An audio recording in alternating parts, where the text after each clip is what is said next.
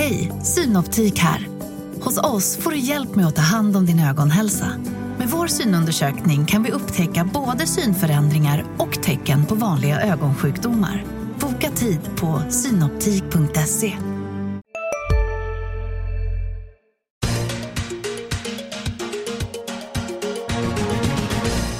Hej och välkommen till Makrorådet, eh, Dagens Industris podd om de stora ekonomiska frågorna. Jag heter Viktor Munkhammar. Med mig idag har jag Anna Öster, chefsekonom på Länsförsäkringar och Olof Manner, analyschef på Swedbank. Välkomna båda två. Tack. Tackar, tackar. roligt det här. Ja. När, när, vi, när vi står här i studion så är det förmiddagen den 21 december. Det är årets sista program och vi ska blicka tillbaka lite på vad som har hänt. Det är ju en hel del. Men vi börjar såklart med eh, morgonens eh, räntebesked från Riksbanken som ju var lite mer spännande än den kanske ser ut. Eh, det var ju det väntade beskedet, räntan behålls på minus en halv procent. Eh, det var också det väntade beskedet att de förlänger de här stödköpen med de väntade 30 miljarderna i de väntade sex månaderna. Men under ytan där händer det grejer. Anna, vill du börja? Ja, det låter ju inte så spännande. Nej. Men det var ju en större oenighet i eh, direktionen än vad i alla fall jag hade väntat mig. Det var ju så många som tre av sex som faktiskt röstade emot det här beslutet vilket ju betyder att Stefan Ingves har använt sitt veto, sin utslagsröst. Um, så att det, det var ju lite mer spännande. Jag tycker att det tyder på att de inte är lika angelägna till mer stimulanser om inte läget såklart verkligen skulle överraska på nedsidan. Då tror jag att vi kan räkna med att de kommer ta till nya åtgärder och de säger fortfarande i beskedet såklart att de är villiga att eh, i stort sett använda alla verktyg som de har gjort och som de har. Eh, och de säger också att det är stor sannolikhet fortfarande, eller det finns en sannolikhet för en sänkning och så vidare. Så de ändrar inte språkbruket så mycket. Men ändå den här oenigheten tycker jag är ändå ett tecken på att vi börjar vända, närma oss en vändpunkt. Mm. Så det är spännande. Olof? Ja, det är, jag måste hålla med på alla punkter. Och eh, man har ju lyckats lite med konststycket då. Jag tror i och för sig att det var väl snarare slumpen än, än planerat. Men man ger marknaden det den vill ha. Och samtidigt då i och med den här oenigheten så, så eh, flaggar man ju starkt för att eh, om saker och ting fortsätter i den takt man ser så eh, blir ju nästa steg då att man eh, tar sig ur de här QE under någon form. Nu sa man ju fortfarande att man skulle reinvestera både kuponger och förfall. Va? Så att, eh, Q1 är ju exakt det som marknaden har förväntat sig. Men ändå i och med den här eh, splitten så att säga så har man tagit ett steg emot att ta sig ur det här. Ja, om, vi ska, om, vi ska, vara lite kremlologer här, kan det vara så att de var eniga om att vara oeniga för att just skicka den här signalen? Alltså att de, de, fortsätter med stimulanserna som alla hade trott, men i och med att det var den här splittringen då eh, så skickar man en, en signal till marknaden om vartåt det barkar. Eller är det att gå för långt i tolkningen? Jag gillar hur du tänker, men jag tror ändå att de är så pass angelägna om sina egna ståndpunkter och sitt eget rykte och att de ska kunna följa sin egna röda tråd kring hur de analyserar ekonomin. Så jag tror inte det. Olof? Nej, jag tror inte heller det. Men om ja, så jag var skulle, orolig för det. Men jag om, eh, om så skulle vara fallet så skulle jag ju bli imponerad över den psykologiska insikten hos eh, Riksbanken om hur marknaden fungerar. Men som sagt, jag tror inte det. Men eh, jag gillar tanken. Ja, Okej. Okay. Och, och marknaden reaktion, jag kan ta det, nu har det inte gått så jättelång tid sedan det här kom. Men det, kronan har stärkts med, vad är den, 4-6 öre? Mot, 6 öre, 6 öre från 9,72 till 9,67. Mot eh, euron euron och räntorna har stigit lite grann. Ja, väldigt lite. Ja. Men vi fortsätter att eh, underprestera då mot eh, euroräntorna så att vi går isär där den spreaden fortsätter. En trend som har hållit på eh, hyfsat länge. Ja, okej. Okay. Ja, men så att, eh, ett ganska välkalibrerat mm, besked. Då mer från... spännande än väntat. Ja, mm. ja. Eh, och som du var inne på Anna så är det ju fortfarande så att den här räntebanan då, det vill säga Riksbankens egen prognos för räntebanan indikerar fortfarande att det är mer sannolikt att de ska sänka nästa gång de gör något mm. än, att, än att höja. Mm. Eh, när kan man tänka sig att den här ändå dragningen som vi tycker oss ana här mm. mot en lite hökaktigare riksbank börjar också ge avtryck i, i räntebanan? Skulle det vara en starkare signal om de börjar höja räntebanan? Uh, ja, jo men det tycker jag att det skulle vara. Men, och det är sannolikt att de börjar med att bara ta bort sannolikheten för sänkning. Att de inte liksom skjuter fram någon sannolikhet för höjning utan det kommer vara ett ganska tråkigt riksbanksår, kanske 2017, där de liksom vilar på hanen väldigt mycket. Eh, och sen så småningom mot slutet på året börjar indikera att det börjar kanske bli dags att vi i början på nästa år ska börja höja räntan. Och då kommer räntemarknaden reagera på det. Så skulle jag tro. Men de börjar med att ta bort den här sannolikheten för sänkning. Ja. Eh, Får jag fortsätta på det kremlologiska spåret? Så när, när, vi, när vi pratar om Federal Reserve, alltså den amerikanska centralbanken, där byter de ju vilka som får rösta vid varje årsskifte och då brukar man prata om de som kommer in, är de mer angelägna om att höja eller sänka, hökar, duvor och så vidare.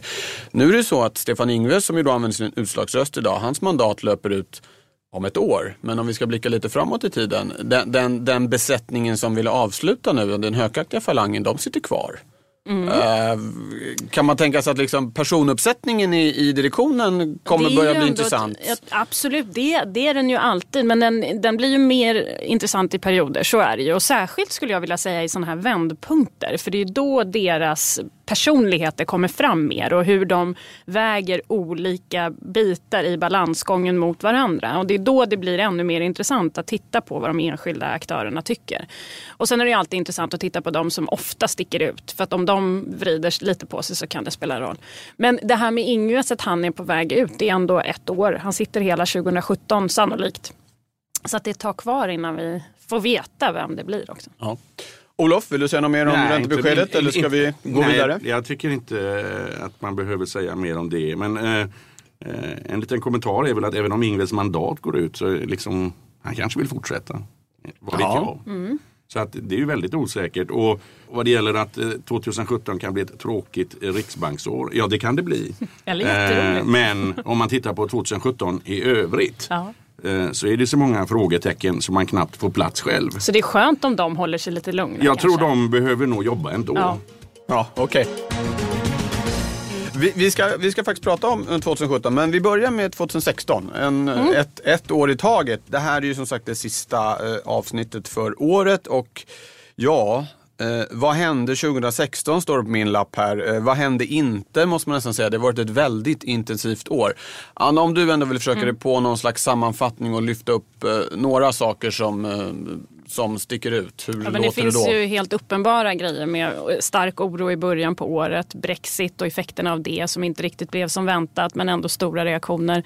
Och sen Trump såklart. Det, det är ju saker som verkligen sticker ut. Men jag tycker också att det sticker ut hur marknaden pendlar i framtidsoptimism. Väldigt liksom stora rörelser där. Från att i stort sett tycka att världen är på väg att gå under. Ja, det var ju så här... i januari med Kina. ja. Kina hårdlandar, ja, och det här global lågkonjunktur. kommer inte gå vägen. Vi kommer aldrig skapa tillväxt igen i stort sett och inte heller inflation. Och så kommer det att vara. Till det vi är i nu på något vis. Där vilken nyhet som helst tas emot med öppna armar och det, livet är ändå ganska bra.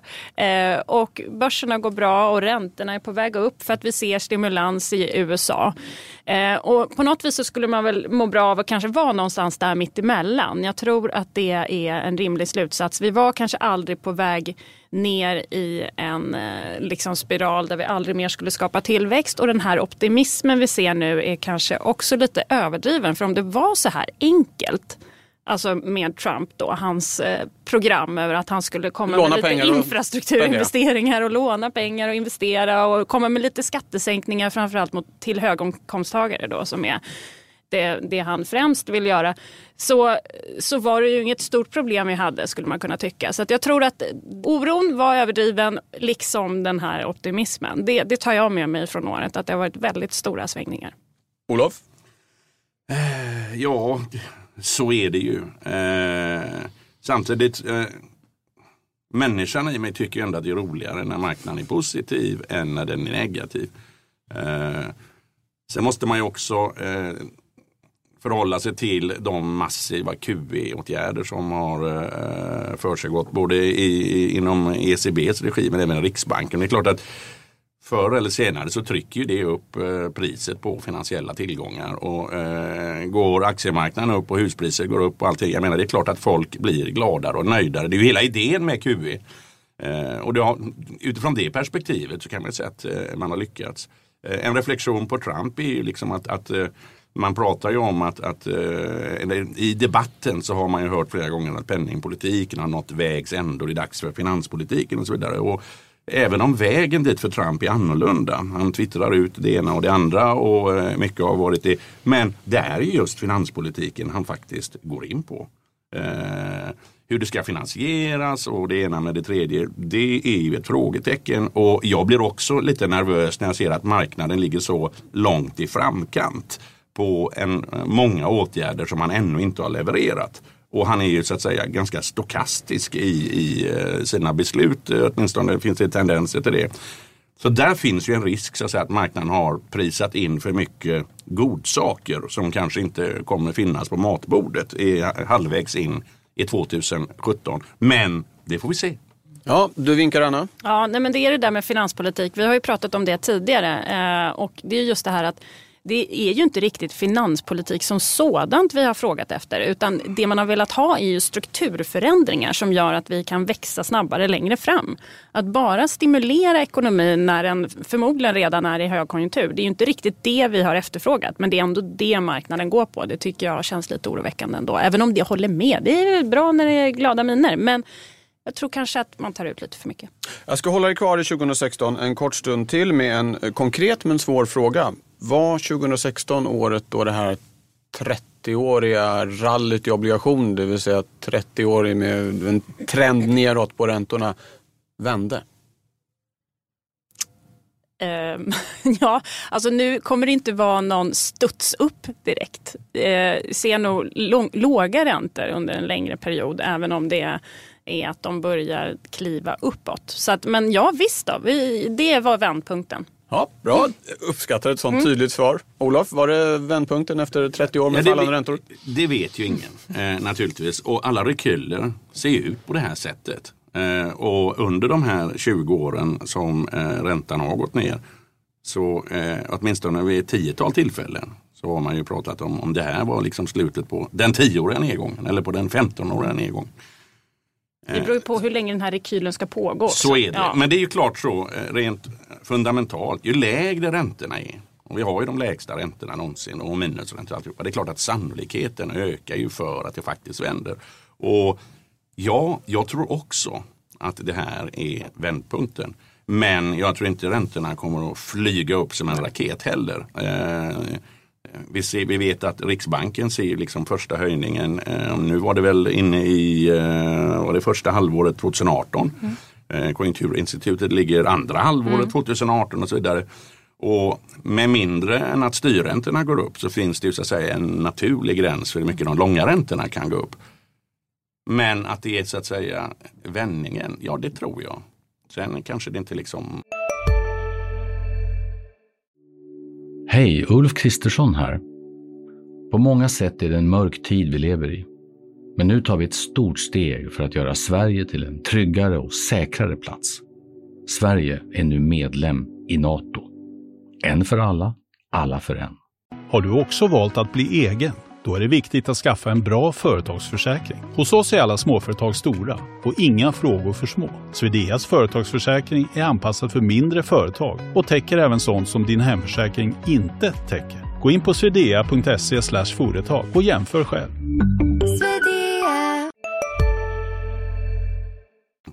Rusar iväg då. Ja. Men, eh, Bra, då eh, vänder vi blicken framåt istället. Vi har ju lite varit inne på det redan, det blir ju lätt så. Men eh, 2017, vad ska man tänka om det? Vill du börja nu eh, Olof? Vad blir viktigast att eh, hålla koll på? Ja, vi har delvis varit inne på mycket. Det är klart att, att eh, den ekonomiska politiken som kommer från Trump och hur det påverkar USA, hur det påverkar dollarn eh, som är en stor faktor som redan nu börjar påverka eh, stora kapitalflöden från emerging markets. Men vi ser att, att eh, det har också lett till en, en, en svagare yen mot dollarn allt annat lika. Vilket Japan tycks må bra av. Och det börjar, så att dollarn är jätteviktig och, och dollarn baserar sig mycket på Trumps politik och vad det i sin tur leder till att man förväntar sig att Fed ska göra. Eh, så det tror jag kommer bli eh, väldigt viktigt. Eh, sen har vi ju så att säga eh, den eh, USA-Kina eh, konflikten som finns så att säga, på flera områden. Den finns territoriellt, den finns ekonomiskt eh, och så vidare. Hur den utvecklas eh, måste man naturligtvis följa. Och sist eh, vi har ett, eh, eh, ett Europa med en mängd parlamentsval i de stora tunga ekonomierna. Eh, och med en Brexit i bagaget och en italiensk folkomröstning som så att säga gick åt fel håll, om man nu är en EU-vän, eh, så blir det naturligtvis väldigt viktigt. Ja. Anna? Ja, Olof eh, målade en väldigt bred palett här. Jag får bara flika in lite här och var tänker jag då. Med, med Trump då återigen så är det ju såklart att det är fokus på eh, exakt vad han gör och vilka effekter det får. Jag tycker också att risken för att han gör folket eller marknaden besviken bör man också fundera över att eh, de, den typen av signaler när han faktiskt Eh, ändrar sig kring någonting som marknaden har gått på eller så. Det får vi också fundera på och försöka hålla utkik efter. Och de, eh, de signalerna kan ju lika bra komma i en tweet mitt i natten. Det vet vi inte. Så att det, det blir att hålla ögonen på det helt enkelt. Och vad det gäller det geopolitiska som du var inne på, vad det gäller Kina så tror jag också Ryssland blir väldigt viktigt. Det kommer också påverka Europa väldigt mycket hur eh, relationen utvecklas mellan USA och Ryssland.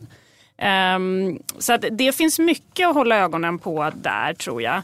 Uh, också med penningpolitiken såklart att de går åt olika håll, Fed och ECB väldigt, väldigt tydligt. Och som Olof var inne på, vad betyder det för dollarn och på hur stark dollar klarar vi av? Um, sen finns det en del funderingar kring Sverige också tycker jag. Mm. Uh, och det är ju nu när vi börjar närma oss en ny avtalsrörelse igen det känns ju som att det kommer, det pratade vi om redan förra året tror jag inför det här året då. Eh, och nu har vi dragit på det en vända till. Vi fick ju väldigt korta avtal eh, nu senast och då betyder det att vi är på väg in igen en stor avtalsrörelse om en eh, inte riktigt lika stor tror jag men ändå väldigt stor. Eh, och det, det, pressar ju det här systemet vi har för lönebildningen i Sverige ännu mer tror jag. För att vi är i ett ännu svårare läge nu nästan. Riksbanken säger fortfarande att de ser ganska låg inflation framför sig eh, de närmsta åren. Eh, och det finns ju fortfarande en oro för inflationsmålet även om inflationsförväntningarna har kommit upp. Och vad betyder det här då? Vi ser också ganska låga lönekrav från arbetstagarna när vi går in i den här lönerörelsen så kommer vi få väldigt låga löneavtal ändå trots att svensk ekonomi går så starkt. Och om det blir så, hur länge står sig det här märket som vi har? Alltså att industrin ska sätta lönemärket i svensk ekonomi och de andra ska följa överlever det när det är så mycket som drar åt olika håll. När vi då har delar av ekonomin som är väldigt stark och samtidigt så låga lönekraven då i den här ekonomiska utvecklingen. Det tycker jag är väldigt intressant att blicka framåt. Och det här eh, sätts ju, utmanas ju också av den här starka tudelningen som vi ser på svensk arbetsmarknad med eh, vissa grupper som har väldigt låg arbetslöshet medan andra grupper har betydligt högre svårare att komma in och de, som, de nyanlända ska ju också in på den här arbetsmarknaden som behöver vara flexibel då för att släppa in de här. Så det tycker jag är lönebild. Det kan ju låta lite, det är lite svårt att hålla reda på också, också, exakt vad som händer inom lönebildningen. Men jag tror att det kommer vara väldigt avgörande för Sverige det kommande året. Ja, tack för det. Olof, du vinkar där. Ja, det var eh, för frågan som du ställde från början var ju liksom vad ser vi in i 2017? Om jag får gå tillbaka istället och ställa mig i januari 2016. Ja det får du gärna göra. Och om någon då hade talat om för mig att vi både skulle få en Brexit, att eh, Trump skulle eh, komma att bli nästa president i eh, USA och att italienarna skulle liksom rösta sig ett steg bort från den skenbara stabilitet i alla fall vi hade, men mot en möjlighet till en folkomröstning om EU, eh, e vilket lurar i kulisserna beroende på vad Beppe Grillo och andra eh, tar sig för. Då måste jag ju säga att liksom, marknaden har ju tagit det här väldigt bra. Ja, precis. Om marknaden skulle älska de här tre grejerna, som det verkar. Så att det, är, det är väl liksom den stora reflektionen jag gör. Där hade jag så att säga, om jag hade haft facit i hand i januari så hade jag nog gjort fel i december. Det tror jag. Ja, Okej, bra. Eh, om ett år så har vi facit för 2017. Eh, då får vi summera det. Nu går vi vidare till eh, spaningen eh, där ni har eh, klurat på någonting som blir viktigt att hålla koll på och tänka kring. Anna, vad har du med dig? Ja, jag har med mig något som länkar in i egentligen allting vi har pratat om idag. Det är att jag tror att under 2017 så kommer vi fokusera mer på strukturfrågor än kanske bara konjunktur. Eh, och det kommer in på väldigt många olika håll och det har ju också att göra med att vi, det var så länge sedan vi var i någon typ av konjunkturell jämvikt, vilket ju gör att vi inte riktigt vet vad de här jämviktsnivåerna är och då vet vi inte riktigt när inflationen kommer och så vidare. När är vi i högkonjunktur och när är vi i lågkonjunktur? Allt är lite dolt just nu eftersom vi har eh, varit i en sån unik period. Men jag tror att det här kommer bli ännu viktigare nu när vi blickar framåt. För att det är viktigt på många olika delar. Det är viktigt i USA där vi tror att vi är i en högkonjunktur och där vi ser ganska stora stimulanser då från finanspolitiken. Vad blir effekten på ekonomin helt enkelt? Om man stimulerar i högkonjunktur så är ju risken att det inte finns några lediga resurser att ta hand om den här Eh, ökade efterfrågan helt enkelt. Vilket då gör att det inte blir så mycket tillväxt av det. Men kanske inflation om inflationen beter sig så som vi har tänkt oss historiskt. I Sverige är vi ju också i ett sånt läge att vi sannolikt är i en högkonjunktur. Eh, hur kommer det att påverka oss när vi går in i nästa år? Vad det gäller just det jag var inne på med löner, inflation och allting annat. Eh, också på räntesidan är det ju väldigt intressant med det här med strukturfrågan, jämviktsnivån på räntan. Alltså hur länge kan Fed höja eh, räntan och räntan är fortfarande stimulativ. Var går gränsen för när den börjar bli åtstramande? Jag tror ändå att det finns en påtaglig risk att med väldigt låga neutrala alltså jämviktsräntor så kommer vi att strama åt ekonomin mycket snabbare än vad vi någonsin har tänkt oss. Eh, och det kan också bli intressant. Det kommer ju bli intressant för svensk del längre fram eftersom vi inte ser någon räntehöjning för Sverige då kanske under nästa år. Men även vi kommer ju ha en sån eh, resa att göra när det är dags att börja höja räntan. När vi sannolikt inte kommer kunna höja räntan lika mycket som tidigare. Så att jag tror mycket strukturfrågor och där kommer vi in på de här demografiska frågorna som Olof pratade om förra gången också. Just att det spelar väldigt stor roll hur befolkningen utvecklas. Hur mycket vi klarar av att få folk att de facto jobba. Vad har vi för incitament? Det är den typen av frågor jag tror att vi kommer fundera väldigt mycket på nästa år. Ja, Strukturfrågor flaggar mm. du för alltså. Olof, någon reflektion där ja, innan du spanar själv? Ja, en, en, både en reflektion och ett litet tillägg. Och det är ju eh, utifrån det perspektivet som, som eh, Anna har pratat om. Så känner jag ju också att det ska bli kul. Nu är kanske det under en längre period. Men alltså hur arbetsmarknaden i Sverige blir allt mer öppen från utländsk konkurrens. Vi har ju liksom sett eh, en mängd olika eh, människor från övriga Europa som är här och jobbar under lång tid. Men även digitalt börjar ju liksom eh, konkurrensen att öka. I takt med att vi går mot ett mer digitaliserat samhälle, att, att eh, vår produktion går mer mot tjänsteproduktion så öppnar vi också dörrarna för en digital konkurrens. Man kan alltså sitta i, i eh, i Rom eller i Hongkong och göra massa bra grejer för en svensk eh, beställare. Och det här sätter ju naturligtvis, eh, det kommer ju påverka både lönebildning och arbetsmarknad. Jag tror inte riktigt man vet hur det kommer att sluta men den globala konkurrensen gör ju att liksom den svenska arbetsmarknaden är inte lika sluten och därmed inte heller lika lätt att kontrollera som den har varit en gång förut. Och det ska bli väldigt intressant att följa de trenderna. Ja, Bra. Anna, någon kommentar Nej, på det? Jag, jag håller ja, med. Det, det, det är väldigt ja. intressant. Mycket, ja. mycket som rör sig. Ja. Mycket som rör sig. Bra Olof, vad har du med dig för spaning då?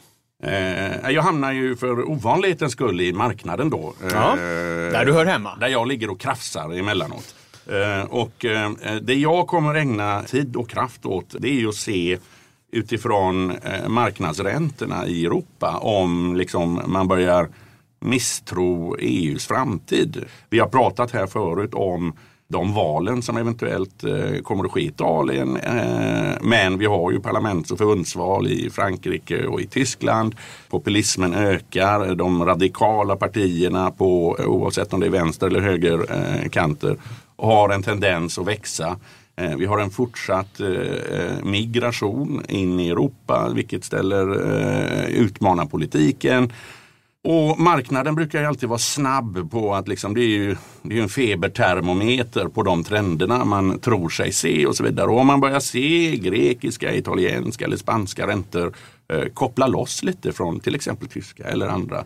Eh, det där kommer vara väldigt intressant tror jag. Och, och, eh, och jag tror liksom eh, vi har redan liksom i och med Brexit och Italien så har vi tagit två steg åt fel håll för ett starkare sammanhållet EU.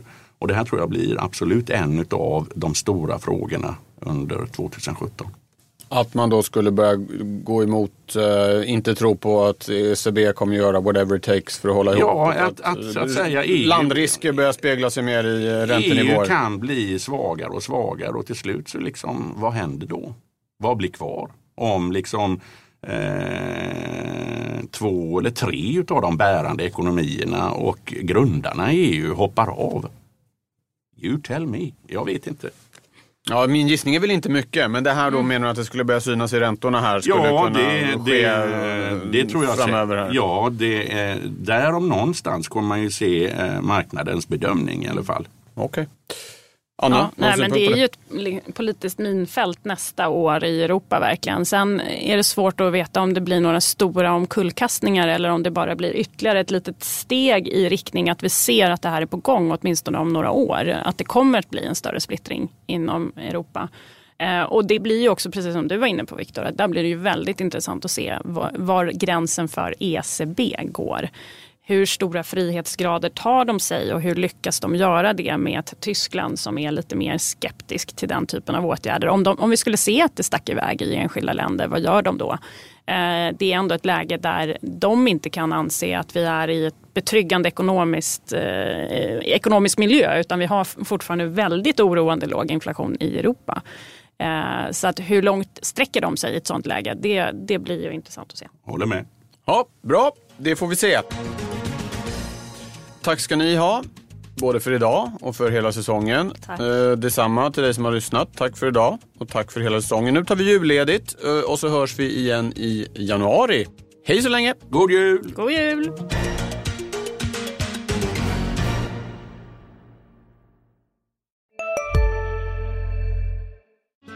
Hej, Susanne Axel här. När du gör som jag och listar dig på en av Krys vårdcentraler får du en fast läkarkontakt som kan din sjukdomshistoria. Du får träffa erfarna specialister, tillgång till lättakuten och så kan du chatta med vårdpersonalen. Så gör ditt viktigaste val idag, lista dig hos Kry. Välkommen till Maccafé på utvalda McDonalds restauranger med Baristakaffe till rimligt pris. Vad sägs om en latte eller cappuccino för bara 35 kronor? Alltid gjorda av våra utbildade baristor.